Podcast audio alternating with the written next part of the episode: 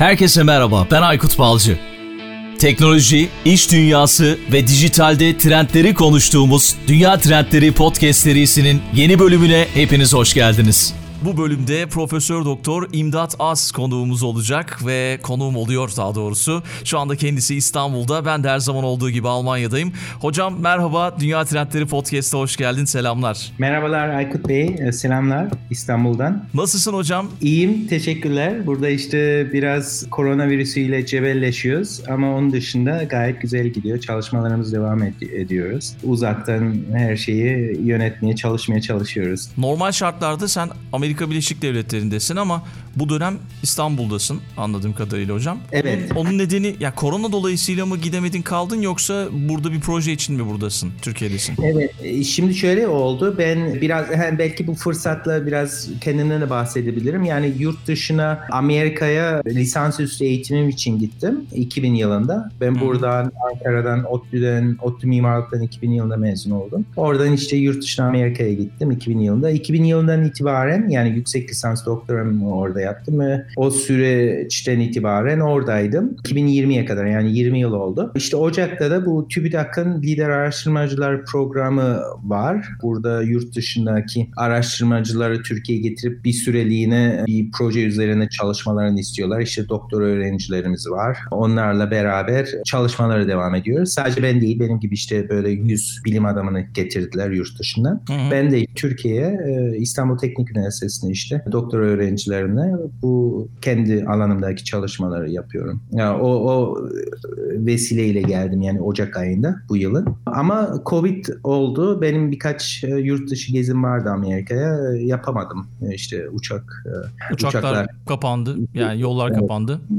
Şey, sadece Amerika değil Avrupa'ya da kapandı. Her, hmm. Herkes gibi tabii ki e, e, tamamen böyle biraz şeye eskiye döndük memleket Türkiye'de. Ama bu da güzel. Tekrar böyle ailelerimizle beraber olma e, şansımız oldu. Ben uzun süredir e, ailemle hiç böyle 2-3 ay beraber kaldığımı hatırlamıyorum yani. O açıdan yine böyle bir güzel bir şans oldu diyebilirim. Hmm, ba- bazı şeylerin daha önemini anlamış olduk sanırım. Kıymetini anlamış Aynen. olduk belki de ya da evet. özlediğimiz yapamadığımız şeyleri yapmaya başladık. Çok evet. güzel oldu. Ya ne kadar kırılgan bir toplum olduğumuz veya insanlık ne kadar kırılgan olduğunu da anladık. Yani tekrar böyle yapay zeka, teknoloji vesaire derken ufak bir biyolojik yani bir virüs e, bizi e, dize getirdi. Yani hakikaten biraz tekrar özümüze hafif veya içimize dönüp neyiz? Ne yani daha böyle felsefik e, sorulara geri dönme e, şansımız da oldu bu vesileyle. Tarım tarıma yönelmiş insanlar çok fazla. Öyle evet. bir şey okumuştum. Yani bu da güzel bir şey aslında. Tarım özel İtalya'da mı yanlış hatırlamıyorsam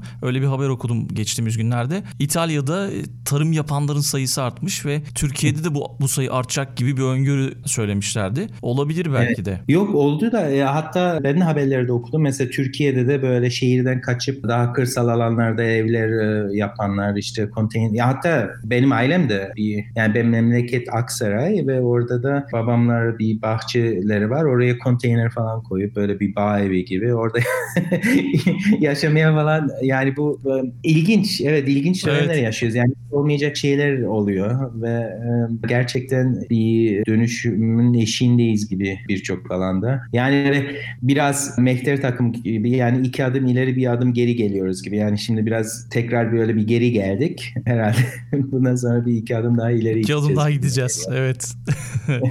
Peki o zaman hocam bugün biz neler konuşacağız? Yani bu bölümde biz neler konuşacağız? Kısaca ben e, şöyle bir girizgah yapayım istiyorsan. Senin evet. çok güzel bir girişimin var. Ark Bazar girişimi. Ondan bahsedeceğiz. Sevgili Halit Çiftçi sizin takımda yer alıyor teknoloji bölümünde. Onun evet. sayesinde tanıdım evet. Ark Bazar girişimini ve aynı zamanda seni de öyle tanıdım hocam. Onu da anmadan geçmeyelim. Ve ilk bölümde evet. Ark Bazar'ı konuşacağız. Daha sonra ikinci bölümde de yani ikinci kısımda da geleceğin akıllı şehirlerini konuşuruz diyorum ve onunla ilgili bir hazırlık evet. yaptım senin için. Ama önce Güzel. böyle biraz daha kendinden bahsetmek ister misin yoksa direkt Ark Pazar'a girelim mi? Tabii yani Ark Pazar'a girebiliriz. Yani Ark Pazar'ı tarif e, edersem aslında biraz da hani geçmişimden de bahsedebilirim o vesileyle. Çünkü çok ilişkili. Hı. Benim background'ımla ilişkili bir startup. Ark Pazar'da yaptığımız e, kısacası crowdsourcing yöntemiyle bu e, projeleri, mimari projeleri yapmak. Yani böyle bir her proje proje için şöyle düşünün bir yarışma yapıyoruz gibi insanlar ve dünyanın her tarafındaki mimarlar e, arasından ve e, müşteri bu durumda yani ev sahibi tasarımı isteyen ve diyelim ki evinde bir tadilat istiyor, mutfağını değiştirmek istiyor veya çatıya bir ev, oda yapmak istiyor veya garajın üzerine bir ev ofisi yapmak istiyor. O tip projeler için bunu Art Artpazar platformuna koyabiliyor, bir ödül koyabiliyor. İşte ben bin dolar veriyorum diyebilir ve iki hafta sürem var diyebilir veya kaç günü var yapıyorlarsa o süre zarfında da dünyanın her bir tarafındaki mimarlar bu projeleri inceliyorlar ve çözümlerini sunuyorlar. En sonunda da müşteri, ev sahibi yani e, en sevdiği mutfağı veya çatıyı veya bodrum katındaki e, tadilat e, tasarımlarını sıralıyor ve en sevdiği yani 2-3 projeyi seçiyor. O projelere de biz o ödülleri dağıtıyoruz. Şimdi kazanan mimar yani seçilen mimar tüm ödülü almıyor e, müşterinin verdiği ama e, %60'ını alıyor. ikinci %30'unu alıyor ve üçüncü de %10'unu alıyor. Yani böyle biraz ödülleri de dağıtıyoruz mimarlar arasında. Hı hı. Ve bu tabii e, ilginç bir mimari e, edinme şekli yani mimari çözüm edinme şekli ev sahipleri için. Çünkü geleneksel olarak baktığınız zaman bir, mimar, e, bir müşteri müşteri ne yapıyor? İşte e, sokağındaki mimara gidiyor veya tanıdığı sayesinde bir mimara gidiyor. O da genelde insanlar bunu çok se- e, Amerika'da özellikle seçmiyorlar. Çünkü aynı şeye benziyor bu avukata gider gibi. Yani ihtiyacınız olmadığı sürece avukata gitmezsiniz. Onun gibi yani ihtiyacınız Doğru. olmadığı sürece mimara gitmesin. Yani çünkü pahalı bir şey gibi e, algılanıyor, algılanıyor. Ve Amerika'da bir de şöyle bir durum var. Amerika'da mimarda gerekmiyor yani çoğu yapı için. Mesela Massachusetts'te bizim e, şey şirketin e, olduğu yerde Boston'da yani. Boston'da ha. Örneğin 44 e, bin kubik fite kadar şey mimari imzaya gerek yok. Yani siz kendiniz bir çizim yapabilirsiniz ve onu kendiniz yapabilirsiniz. Yani orada bir şey, mimar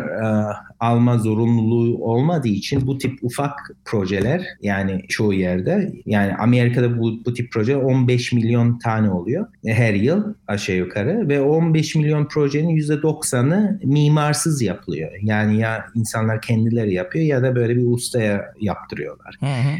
Um, o Ama açıdan mimarın yine bir imza atması gerekiyor herhalde o projeye. Değil mi? Hayır. Türkiye'de öyle. Türkiye'de evet. Türkiye'de öyle, Almanya'da öyle. Ama şeyde e, Amerika'da öyle değil. O yüzden %90'ı mimarsız yapılıyor. O yüzden mesela Amerika'ya gidenler bilir. Böyle mahallelere baktığınız zaman böyle çok Almanya'daki gibi veya Türkiye'deki gibi bile yani şey böyle çok uçuk, modern, ilerici tasarımlar görmezsiniz. Daha çok işte kolonyal, Victorian böyle onların yerel e, mimar mimari yani bu İngiltere'den zamanında e, Avrupa'dan gelen mimari akımların işte 1700-1800'lerde yapılan evler, ev şekilleri, e, tipolojileri hala bugünlerde de kullanılıyor. Yani işte e, Palladian villalar var hala o, o tip mimari isteyenler. Yani öyle çok um, geleneksel bir yapı stoğu var Amerika'da o nedenle. Yani bu sadece Türkiye'de değil tüm dünyada mimarlık okullarında öğretilen işte mimari akımlar işte biz mesela mesela ODTÜ'de daha çok Bauhaus stiliyle eğitim aldık. Yani Almanya'dan çıkan bu modern modern e, mimari yaklaşım e, Yani onu tüm dünyada aslında böyle sadece Türkiye'de değil. Ama mimarlık stokuna baktığınız zaman e, yani bir piramit gibi düşünürseniz Belki hani piramidin tepesindeki yüz, projelerin yüzde onu bizim gibi mimarlar tarafından yapılıyor. Mi, piramidin altındaki yüzde doksanı da mimarsız yapılıyor. Yani eskiden buna İngilizce vernacular architecture veya architecture without architects yani mimarsız mimarlık gibi e, tabirler kullanıyor. Bizim hani yöresel evler gibi düşünün köylerde veya hmm. Safranbolu yani onlar daha çok hani yerel mimari stilleri. Ama Amerika'da hala o tip binalar, yapılar yapılıyor. Çünkü mimara mimarlık şartı yok. Köylerde şey benim babaannem çizmişti köyde kendisi kendi evini. Yığma tuğla Aynen. zaten. evet evet. Yani evet aslında çok da hani insanın doğasına da uygun. Yani şöyle düşün yani ev insan için en önemli yapı yani hayatını geçirdiği bir e, yer ve nesiller boyunca insanlar bunu kendi elleriyle işte konu komşuyla yapmışlar. Kendi yani şeylerine e, imkanlarıyla e, mı diyelim. göre işte Hı. E, genelde işte bak e, geleneksel Safranbolu evlerinde de görürsünüz işte genelde işte hani bakış açısı olsun işte komşunun güneşini almasın vesaire o tip kurallar yani basit birkaç kural e, çerçevesinde kendi yapılarını oluşturmuşlar. Şimdi tabii onlara baktığım zaman bizim çok hoşumuza gidiyor. Çünkü doğal büyümüş. Yani böyle aynı işte Almanya'dasınız siz mesela e, eski işte orta çağ köylerine baktığınız zaman işte Frankfurt'un merkezi gibi veya bu Münih ve Bavyera'daki köyler yani herkes oraya gidiyor işte işte kilise var etrafında işte yapılar var ama sistemsiz yani böyle insanlar zamanla üst üste yan yana yapmışlar. Böyle bir sistematik değil. Bu sistematik yaklaşım işte Bauhaus'la modernizmle gelen yani insanlar artık aslında Avaz'la demeyeyim de ta Rönesans'tan yani gelen bir şey. Şehircilik yani bu perspektif çizimin ve değişik e, çizme yöntemlerinin gelişmesiyle insanlar artık hani bir mas e, şehir böyle olmalı işte yuvarlak olmalı veya ne bileyim grid sistemi üzerine olmalı diye başlayarak böyle e, şehircilik başlamış o şekilde ama o, o noktaya kadar işte orta çağ gelişmeleri e, daha organik gelişmeler ve hmm ee, insanlar sizin e, de dediğiniz gibi köyde işte kendisi çiziyor, kendisi yapıyor vesaire. Um, o şekilde büyümüş. Amerika'da biraz daha hala o anlayış var yani. İnsan kendi evini kendi çiziyor, kendi yapıyor, ustayı buluyor. O nedenle böyle Art Pazar gibi bir platform e, çok yerinde bir platform. Çünkü o %90 mimar kullanmayan veya kullanmayı istemeyen veya pahalı gören insanlar için bir olanak yani çok fazla para harcamadan biraz mimar elinin değmesi, mimarlık bakışının oraya yansıması, ev sahibine faydalı hale gelmesi ne olanak sağlıyor. Bir sürü o proje karşısına çıkıyor bir de. Yani bir sürü proje çıkıyor. Evet. Yani bir sürü proje içinden seçiliyor daha doğrusu jüri seçiyor bildiğim kadarıyla. Tabii yani o, o güzelliği zaten yani sadece daha az para ödemiyor ama aynı zamanda da bir projeyi yani geleneksel mimarlık ofisiyle baktığımız zaman işte mimarlık ofisine gidiyorsun işte diyelim ki Almanya aynadasın işte 2000 mark veriyor sana 1000 mark veya 5000 mark bilmiyorum fiyatlarını ama o da sana işte bir tane çözüm veriyor. Onu beğenmeyebilirsin. Yine dediğim gibi mesela Amerika'da bu çok oluyor çünkü adamların kafasını evlediği zaman işte o Palladian villalar, işte Victorian evler, işte o geleneksel evler akıllarına geliyor ama mimarlık ofisine gittiği zaman işte 5000 dolar veriyor. Mimar da ona bir Bauhaus evi veriyor yani çatısız falan. Yani onlar da, da bu bunu anlayamıyor ve çok böyle e, mutsuz olanlar mesela öyle yapıp mutsuz olup e, mesela platforma gelip proje başlatan müşterilerimiz oldu. Onları da ben kesinlikle işte Bauhaus istemiyorum. Kesinlikle şunu istiyorum, bunu istiyorum. Tabii o zaman bu şimdi ideolojik bir şeydi yani mimarlar arasında. Tabii bir ODTÜ mezunu veya ne bileyim ben sonra MIT'ye gittim. Oradan sonra e, Harvard Üniversitesi'nde doktoramı yaptım. Yani o tip üniversitelere gittiğiniz zaman pek böyle şey yapmıyorsunuz. Yani ben yani ideolojik olarak baktığınız zaman yani ben progresif bir mimarım ve ancak işte bu stilde ileriye dönük e, yeni malzemelerle ve işte beton, cam vesaireyle binalar yaparım. Bunun dışında işte şeyler geleneksel yani sadece işte düşündüğünüz zaman geleneksel ögeler nedir? İşte kolonlar, e, işte kirişle e, şeyler, tonozlar vesaire o tip veya kubbeler o tip mimari ögeleri ben kesinlikle kullanmam. Kendi anlayışından taviz vermiyor o zaman. Evet taviz vermiyor katılıyorum. Hı. E, kesinlikle öyle bir katılık var söz konusu. Yani prensip olarak yani bu şey gibi düşünün yani siz bir müzisyensiniz ve başkalarının müziğini çalmak istemiyorsunuz ve orijinal bir müzik yapmak istiyorsunuz. Hı hı ve mimarların çoğu yani bu tip eğitim kurumlarından geçen orijinal bir müzik parçası yapmak sunmak istiyorlar müşteriye. Ama müşteri de eski bir şarkı istiyor.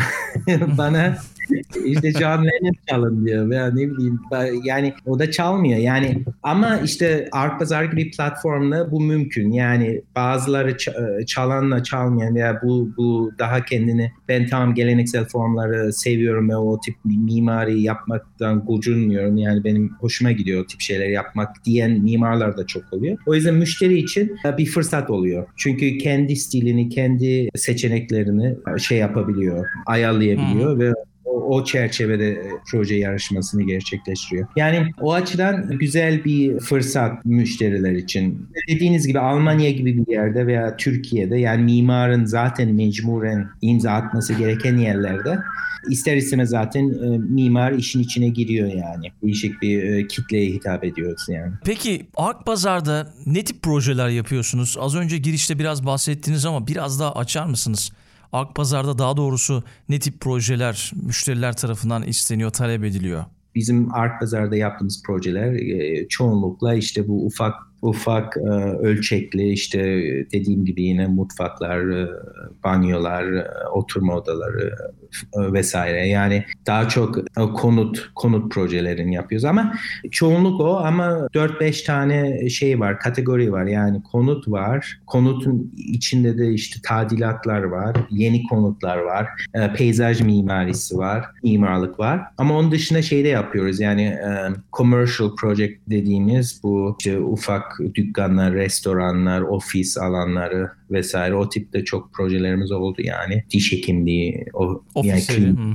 klinikler. klinikler vesaire. O tip şeyler de var ee, ve bir diğer kategoride bu ıı, kamu yapılar işte okullar, kütüphaneler vesaire. Onlar tabii daha az ama çoğunluk dediğim gibi konut üzerine, tadilatlar üzerine olan projeler yani. Evet. Bu proje nasıl doğdu? Yani bu fikir nasıl sizden ortaya çıktı? Çıkış noktanız ne oldu açıkçası? Bir de yaptığım araştırmaya göre siz dünyada bu böyle bir pazar ortamı yani mimarlar için bir pazar ortamını yapan ilk girişimsiniz. Yanlış evet. hatırlamıyorsam. Sonrasında evet. muadilleri çıkmış ama Hı -hı. yani yaklaşık 9-10 yıldır evet. dünya çapında bu işi ilk başlatan sizsiniz. Nasıl oldu? Evet. Çıkış noktası ne oldu? Onu merak ediyorum açıkçası. Şimdi 2008-2009 yıllarında anda büyük bir Amerika'da resesyon oldu. Dünyada da oldu. Onlar biliyorsunuz bu evet. e, ekonomi dibe vurmuştu o zamanlar. O resesyonda şimdi tabii biz ile karşılaştırdığımız zaman resesyon diyoruz ama o zamanlar insanlara depresyon gibi geliyordu.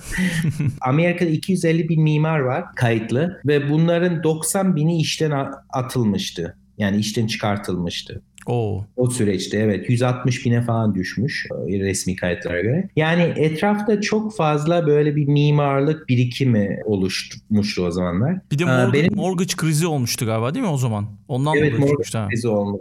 Ondan ötürü öyle bir e, yani sadece mimarlar değil yani her alanda Hı. işsiz kalan çok insan ol, olmuştu ama mimarlık alanda işte 90 bin kişi falan işten çıktı çıkmış. Benim arkadaşlarım da vardı böyle işten e, çıkartılan. Benim o zamanlar e, düşündüğüm şeydi e, işte bu e, talent pool'unu e, ve buradaki mimarlara e, daha ufak çaplı projelerde nasıl bir araya getirebiliriz? Çünkü o ufak çaplı projeler dediğim gibi mimarlara hiç gelmeyen projelerdi. Ve dediğim gibi 15 milyon yılda sadece Amerika'da bu tür projeler var. Yani o orada onları birleştirebilirsek hem mimarlarımız var yani bu two-sided marketplace dediğimiz bir olay yani iki taraflı market veya bir iki taraflı bir şirket, bir şirket ve yani bir tarafında supply sayıda şey var, mimarlar var. Demand'de de veya bu istekte de müşterilerimiz var. Yani bir tarafta müşterileri büyütmeniz gerekiyor, bir tarafta da mimarları büyütmeniz gerekiyor. Yani iki taraflı bir e, şirket bu. Yani Uber de öyle, Airbnb de öyle. E, Sizin modeliniz, Kera, modeliniz yani, böyle işliyor. Evet, evet. Mesela Uber'de de işte taksi sürücüleriyle taksi müşterileri var. Yani iki taraflı büyütmeniz gereken şirketlerde. Biraz daha komplike oluyor çünkü iki tarafında istekleri, arzuları, beklentileri değişik oluyor. Onların ikisine de e, uygun hale gelecek bir platform geliştirmeniz gerekiyor.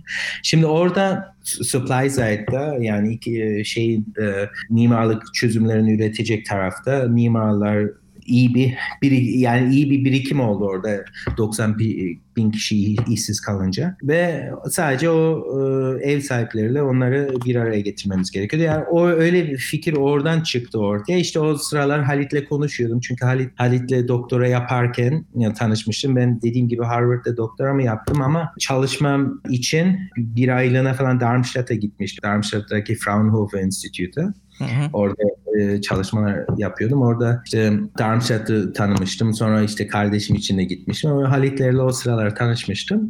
İşte Halit'le e, konuyu konuştuk. Dedik böyle bir şeyler yapalım ne dersin? Böyle bir ihtiyaç da var. Halit de çok heyecanlandı. Yani güzel çalışmanın başlangıcı oldu. Tabii biz ne olacağını bilemiyorduk. Yani ben İngilizce gut feeling diyorlar. Türkçe hmm. tam ne e, bilmiyorum yani böyle hani içimden bir ses diyordu bu ol, olabilmesi lazım. Çünkü biz mimarlık eğitiminde sürekli yarışmalara haşır neşir olan bir e, e, şeyiz yani bir branches yani Hı-hı. eğitimde. Sürekli öğrenciyken de yarışmalara gireriz, sürekli kaybederiz, kazanırız. Yani böyle bir e, yarışma e, e, şeyine, e, protokolüne yabancı olmayan şeyiz meslek dalı. O nedenle bu bu modelin mimarlar için çalışabileceğini düşündüm. İşte öyle bir platformu geliştirdik. Sonra ilk 6 ay falan sürdü işte kodlanması, işte sisteminin gelip product'ın geliştirilmesi.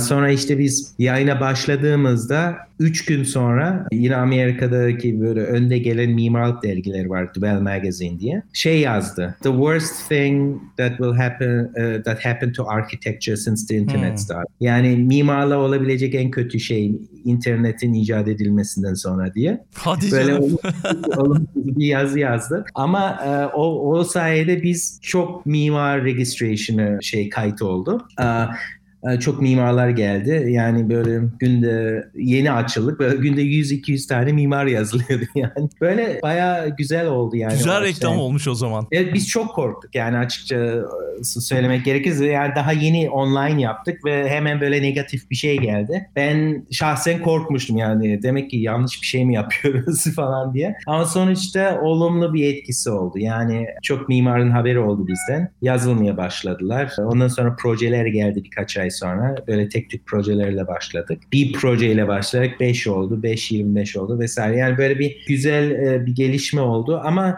yani başlangıç şekli o o nedenlerdi. Yani bu resesyon sayesinde veya nedeniyle oldu biraz. Sonra tabii bu resesyon bitti. Şimdi son zamanlarda yani Covid'den önce Amerika'da biliyorsunuz işsizlik en alt seviyedeydi. Yüzde üçte falan. Hı hı. Orada da ama yine tabii değişik mimarlar yani şimdi bizde Art Pazar'a girdiğiniz zaman orada bir dünya haritası var ve orada mimarlar nereden geliyor? Orada görebiliyorsunuz veya kazanan mimarlar nereden geliyor? Şimdi kazanan mimarların yüzde %30-35'i Amerika'dan geliyor. yüzde %40-45'i Avrupa'dan geliyor. yüzde %10-15'i de şeyden geliyor işte Asya'dan geliyor ve her bir mimarın tabii katılma motivasyonu değişik olabiliyor. Yani mesela Amerika'da gibi bir mimar tabii şimdi ortalama ödül bin dolar. Şimdi bin dolar için dediğim gibi Amerika'da bir mimara gitseniz ya bana şöyle bir kaç fikir verin bu banyo için. Ya yani çoğu mimarlık ofisi yapmaz zaten yani ufak proje diye ama yapanlar da herhalde 2 3 4 bin dolar falan alırlar. O yüzden bu bin dolar çok az bir para öyle bir e, mimarlık Amerika'daki mimarlar için ama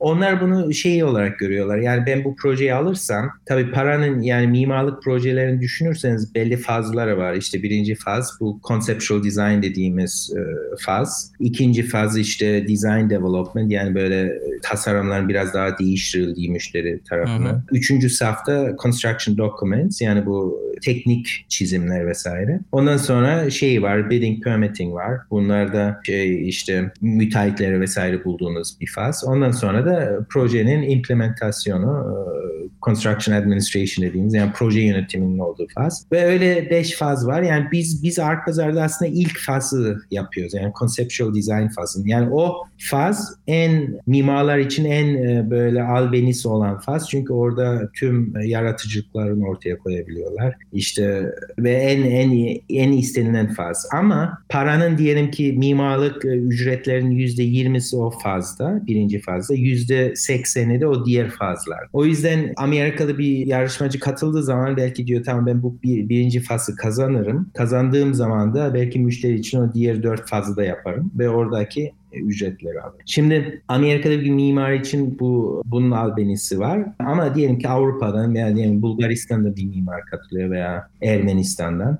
Onun için belki bin dolar aylık bir ücret yani. Tabii. O, onun motivasyonu da değişik oluyor. Tabii o e, para onun için yeterli olabiliyor belki. Tabii çoğu zaman da diyelim ki yani örnek verecek olursam e, işte Boston'dan diyelim müşteri var. Mutfağını yenilemek istiyor. Proje yarışması yapıyor ve birinci olan işte Ermenistan'dan bir mimar diyelim kazandı. Onun çizimlerini alıyor çünkü birinci fazla olsa teknik çizimleri vermek zorunda. Yani thematic design e, aşamasında. Hı hı. Şey, e, seviyesine. O, o çizimler bir ustanın alıp uygulaması için yeterli. Yani şimdi Ermenistan mimar kazandı projeyi. Boston'da bir yerel ustaya verdiniz o çizimleri. O usta da onu uygulayabiliyor, bilmesi gerekiyor. Yani hmm. bunlar minimum tasarımcının, mimarın vermesi gereken dokümanlar. Yani fikir o, o şekildeydi ama çoğu zaman ne oluyor? İşte birinciyi seçiyor müşteri. Sonra diyor ki ya ben ya aslında birkaç değişik daha istiyorum. Ondan sonra o kazanan mimarla devam ediyorlar çalışmalarını. Hmm. yani Ve orada o, yine hizmetini veriyor onun herhalde. Evet. Onun yine böyle hizmet bedelini veriyor. Onun bizim dışımızda oldu. Yani biz o fazlara girmediğimiz için şimdilik bizim dışımızda gelişen şeyler ama biz soruyoruz soruyoruz. Mesela her yarışma bittiğinde ve müşteri bunları sıraladığında e, soruyoruz yani e, birinci mimarınızla e, sizin bağlantı kuralım mı? İster misiniz bağlantı kurmayı? Ve çoğu evet diyor yani çoğu tamam istiyorum diyor ve ondan sonra otomatikman onlar bağlanıyor. Şimdi bunu niye söylüyorum? Aslında biraz konteks vermem gerekiyor. Normalde yarışmanın hepsi anonim oluyor. Yani ne müşteri mimarları biliyor ne de mimarlar hmm. müşterinin kim olduğunu biliyor. Yani hepsi çünkü sonucun tamamen iş e, kalitesine göre seçilmesini istiyoruz. Yani bir Amerikalı gelip ya bu mimar da ne bileyim Boston'danmış veya Amerika'danmış ben bunu seçeyim hem bana daha yakın falan demesin diye. Böylece e, müşteri e, pro, mimarların kim olduğunu hiç bilmiyor. Ama bizde bir analytics page'i var. Oradan şeyi görebiliyor. Yani dünyanın neresinden mimarlar katılıyor. İşte hmm ya ne derecelerine, işte cinsiyetlerine vesaire yani böyle genel bilgileri veriyor. Demografik bilgiler görebiliyor onları. Yani. Evet demografik bilgi ama o mimar kim veya o bana hangi projeyi bu mimar verdi bilmiyorlar. Yani. Onu bilmiyor. O, o, o yani onlara e, şey katılım mı sağlıyor müşterinin sürekli çünkü web sayfasına geliyor bakıyor çok ilgileniyor bilmek istiyorlar tabii ki. Ama aynı zamanda bu sistem e, işin tamamen e, iş kalitesine göre seçilmesini de sağlıyor. O açıdan bu yani gerçekten tasarımı böyle demokratikleştirdiğini ve dünya çapında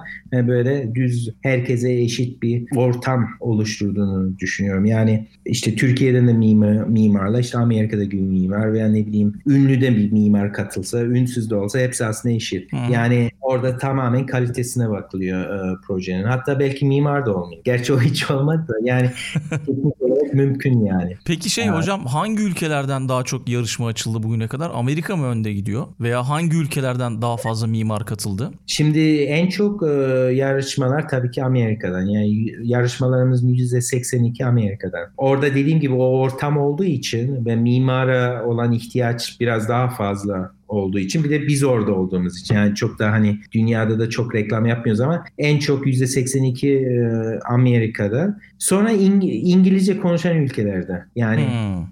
Avustralya'da çok projemiz var. İşte İngiltere'de, hani Yeni Zelanda'da vesaire orada çok projelerimiz var. Avrupa'da da tek tük oluyor. Yani Almanya'da da projelerimiz oldu. Fransa'da da oldu. İsviçre'de de oldu. İsveç'te yani öyle e, hatta Bulgaristan yani böyle Doğu Almanya'da, e, Doğu Avrupa'da da projelerimiz oldu. Orada e, bir sorun, dil sorun yani İngilizce konuşan ülkelerde tabii biraz daha basit oluyor. Çünkü tüm sistemi İngilizce. Mimarların çoğu hangi ülkeden olurlarsa olsun İngilizceyi biliyorlar. Ama şöyle de bir şey var. Biz 12 dile çevirdik Hı. web sayfasını. Evet onu Rus, gördüm. Türkçesi var, Japoncası var. Yani siz Japonya'dan girdiğiniz zaman Japonca versiyonunu görüyorsunuz. Hatta şöyle projelerimiz de oldu. Yani ilginiz belki çekebilir diye söylüyorum. Mesela tüm tercümeleri yani yani Japonca web sayfası var ama diyelim ki konuşmaların tercümesi çünkü yarışma esnasında her şey anonim ama yine de müşteri sorular sorabiliyor tasarımcılar sorular sorabiliyor. Müşteri cevaplar e, yazabiliyor ve hepsini kendi dillerinde yapabiliyorlar bunu. Şimdi Japonya'da bir müşteri mesela oldu bu. Her şeyini Japonca yazmış. Yani projeyi Japonca yazmış, başlığını Japonca yazmış ve parasını ödemiş. Proje başladı. Şimdi tabii yarışmalar, yarışmacılar hepsi İngilizce konuşuyor. Yani biliyor, veya Almanya'da diyelim ki bir yarışmacı katıldı. Almanca görüyor onu. Almanca'ya direkt Google Translate bunu translate ediyor. O da Almanca bir soru yazıyor. Japon Japonca görüyor. Japonca cevap yazıyor ve yani böyle yarışmalarımız oldu ve başarılı da oldu. Yani hem Japonca oldu böyle yarışmalar hem Arapça oldu birkaç tane. Zaten tamamen Arapça yazdı. Cevaplar hep Arapça yazıyor. Mimarlar hep kendi dillerine yazıyor. Tercüme. Yani Google Translate aslında bayağı başarılı yani. Evet yani, geç, geçtiğimiz bölümlerde de konuştuk onu. Bayağı inanılmaz geliştirmiş kendini. Bayağı bir evet. orada şey iyi çalışmış. Evet doğru. Yani.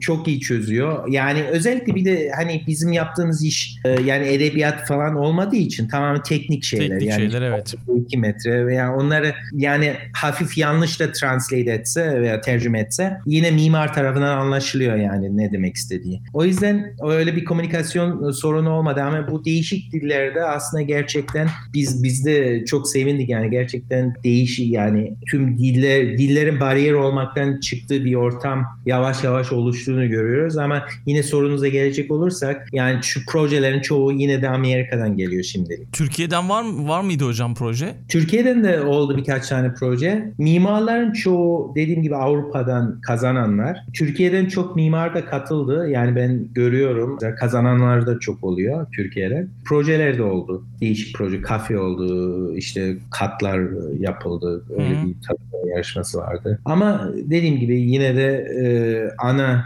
e, projeleri hepsi Amerika'dan geliyor. Yani ben şu anda yani proje ilk duyduğumda Türkiye'nin bu projeyi yani bu e, pazar yerini, park pazarı çok seveceğini düşündüm açıkçası. Türkiye tarafında belki biraz daha marketinge ağırlık vermekte yarar var hocam. Bir şöyle bir size bir nacizane dışarıdan bir tavsiye. Ben ya evet, görecek ben, gibime geliyor. Şimdi Türkiye'de tabii şöyle bir durum var.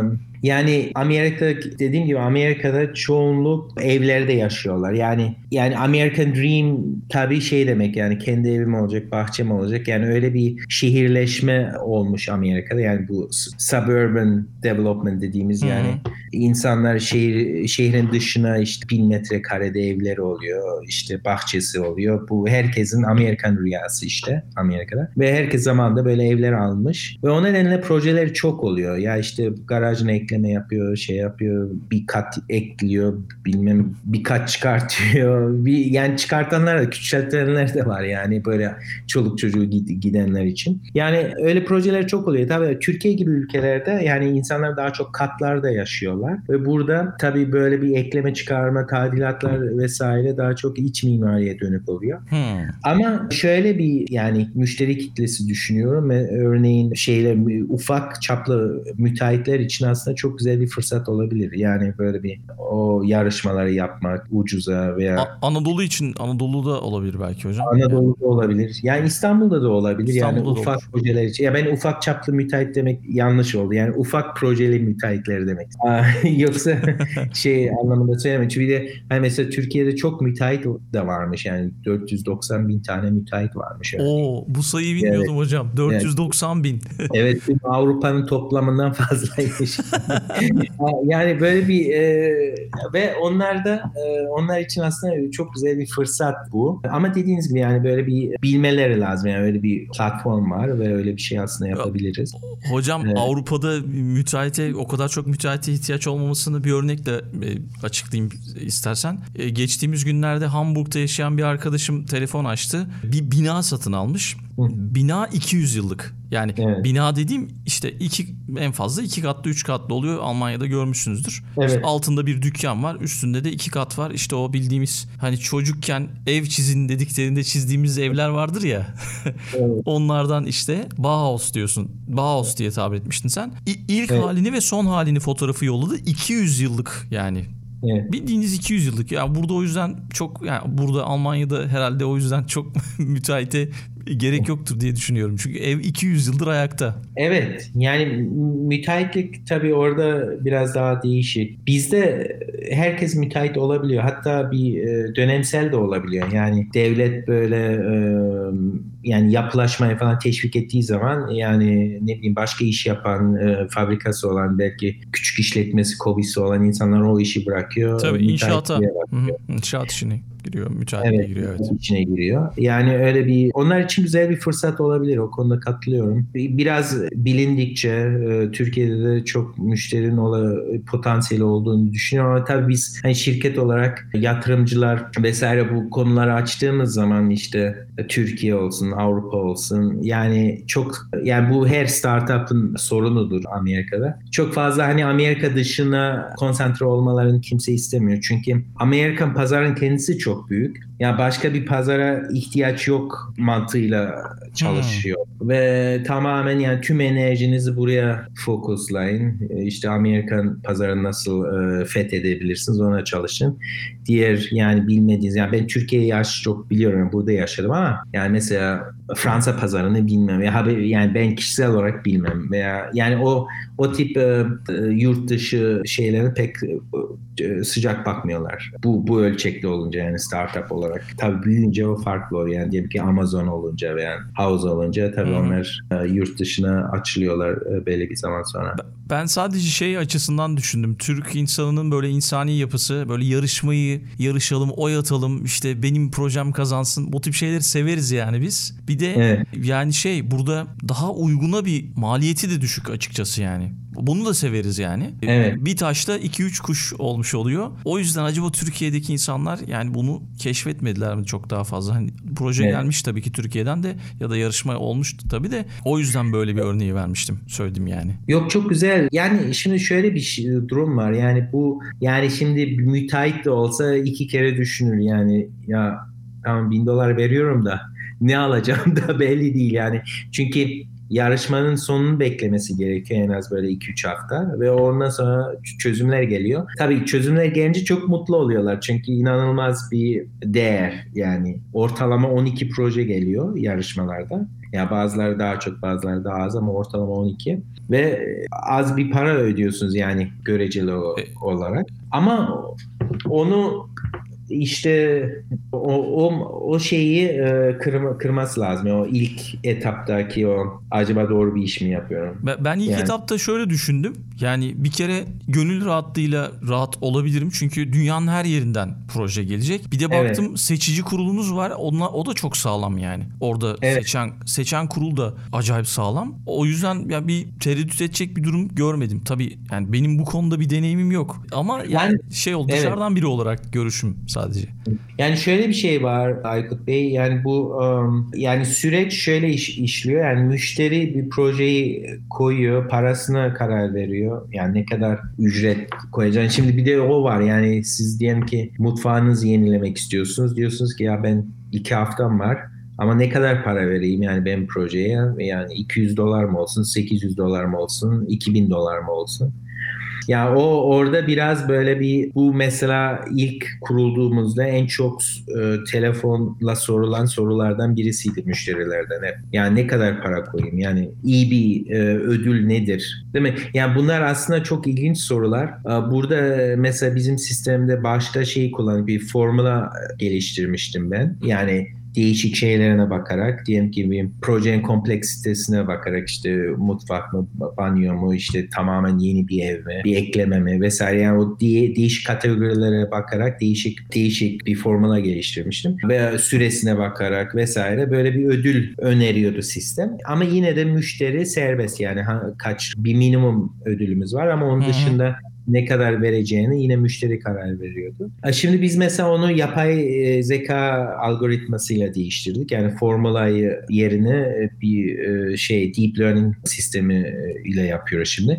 Mesela bu sistemde de eski projelere bakıyor. İşte 52 tane 53 tane şeyi var, boyutu var veya kriteri var. İşte ne kadar proje teslim edilmiş, işte ödülü neydi, işte müşteri ne kadar konuşmuş, ne kadar mesela Honorable mention vermiş mi bu yani parasız paralı olmayan ödüllerden vesaire yani böyle 50 53 kriteriye bakarak o proje performansını sistem sürekli ölçüyor. Real time'da bu değişiyor yeni proje girdikçe. O ona göre sistem bir ödül öneriyor e, müşteriye. Diyor ki ya e, sizin mutfak projeniz verdiğiniz birkaç e, soru cevaplıyorsunuz. O sorulara göre diyor ki işte sizin geçmişe göre baktığımızda en ideal ödül 800 dolar diyor ama siz yine bunu değiştirebilirsiniz. Şimdi o ödülü koyduktan sonra a, siz bekliyorsunuz ama yine de kararı siz veriyorsunuz. Yani gelen yarışmalar, çözümlemeler tabii yani bunu halka açabilirsiniz oylama için. Yani mimarlar açabilirsiniz mimarlar da oylayabilir. Ee, veya sadece kendiniz oylayabilirsiniz. Veya eş dostunuza gönderebilirsiniz tüm projeleri. Onlar oylayabilir. Ve o sonuçlar giriyor. Orada işte platformda onu müşteri görüyor sonuçları. Ona göre yine yani değerlendirebilir de değerlendirmeyebilir de kendisi tekrar bunları organize edip en sonunda yine müşteri yani kimin birinci, ikinci, üçüncü olduğunu olduğuna karar veriyor. Yani bu bu aslında en sağlıklı sistem çünkü müşteri yemekleri ne istediğini tam bilen birisidir. Hı hı.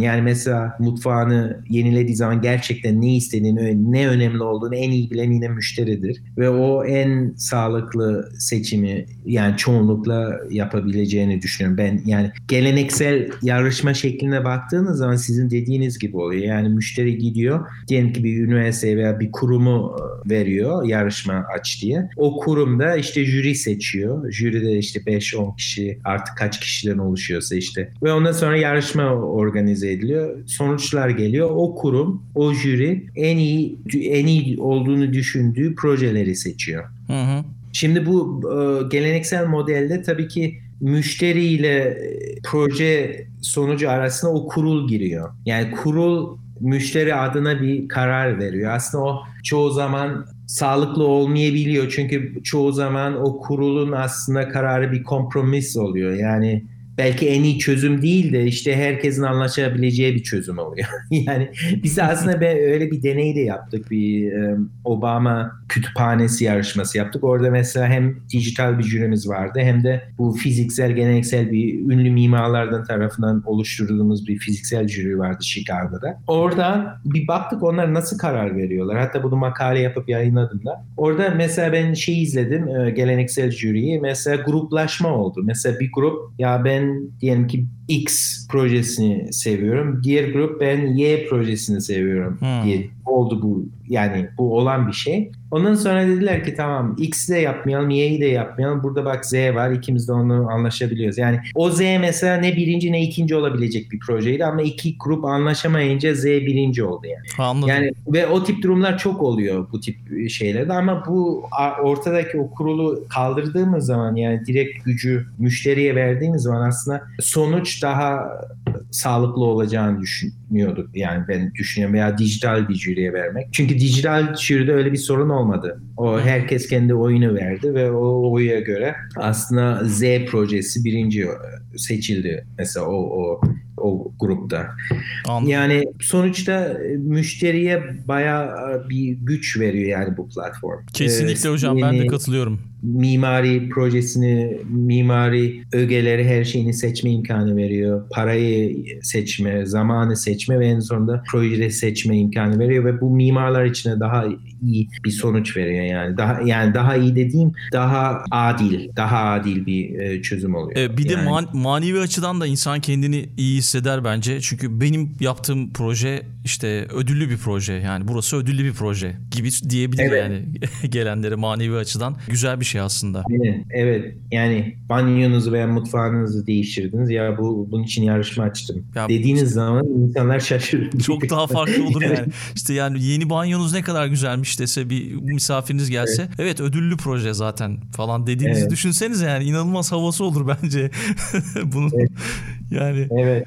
Evet bile bile müşteriler aslında çok mutlu oluyorlar yani %99. Çünkü hmm. biz so- sonra soruyoruz bir exit interview yapıyoruz. Yani bizden haberi olup gelip yarışma açıp sonucunu bekleyenler çok mutlu oluyorlar yani. E, çoğunlukla böyle 5 üzerinden 4,5-5 e, falan veriyorlar. Yani çoğu kritere. Yani kriterde sorduğumuz yani tekrar yarışma açar mıydınız veya bir eşinize dostuna bizden bahseder miydiniz veya tavsiye eder miydiniz? Yani onları falan değerlendiriyoruz ve hep soruyoruz. Yani çoğunluk e, çok e, mutlu oluyor. Çünkü çok çok büyük bir değer elde ediyorlar buradan. Yani bunu geleneksel şeyle yöntemle karşılaştırdığınız zaman işte gele geleneksel yöntemde bir mimardan diyelim ki 2000 dolar veriyorsunuz. Burada 1000 dolar veriyorsunuz 12 mimar, 12 proje. Yani böyle 20, 25, 24 kat e, daha büyük bir e, verim alıyorsunuz hı bu yöntemle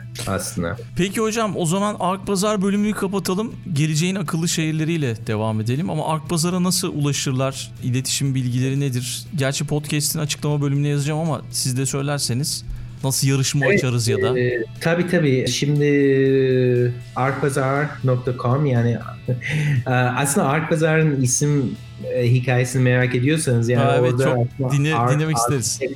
Architecture için duruyor. Pazarda pazar yeri yani aslında pazar yeri pazar. Hı. Yani mimarlığın pazar yeri gibi düşünün.